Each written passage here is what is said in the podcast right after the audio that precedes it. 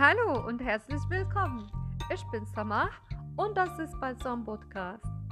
Wir machen heute weiter mit der Medizin-Fachsprache Podcast-Serie.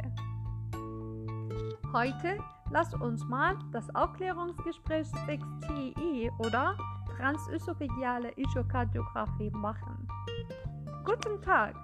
Bei Ihnen ist ein Ultraschall vom Herzen von Ihnen oder transösophageale Echokardiographie geplant.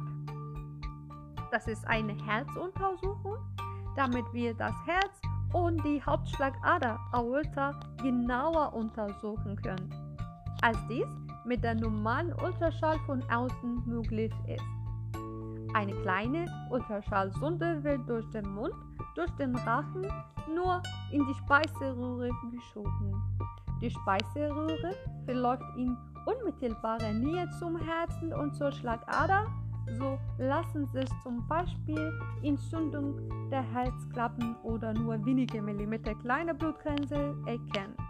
Diese Untersuchung kann 10 bis 15 Minuten dauern. Es gibt auch zwei Arten von Betäubung, entweder eine lokale Betäubung oder eine Kurznarkose. Wenn bei Ihnen eine Kurznarkose entschieden wird, dann müssen Sie bitte vor der Untersuchung mindestens 8 Stunden nüchtern bleiben.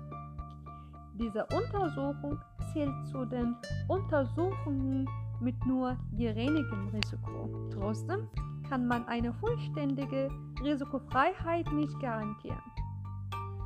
Verletzung des Rachens, der Speiseröhre, Zahnschädigung kommen in Frage Infektion nach Blutung, Arrhythmien können aber muss nicht auftreten.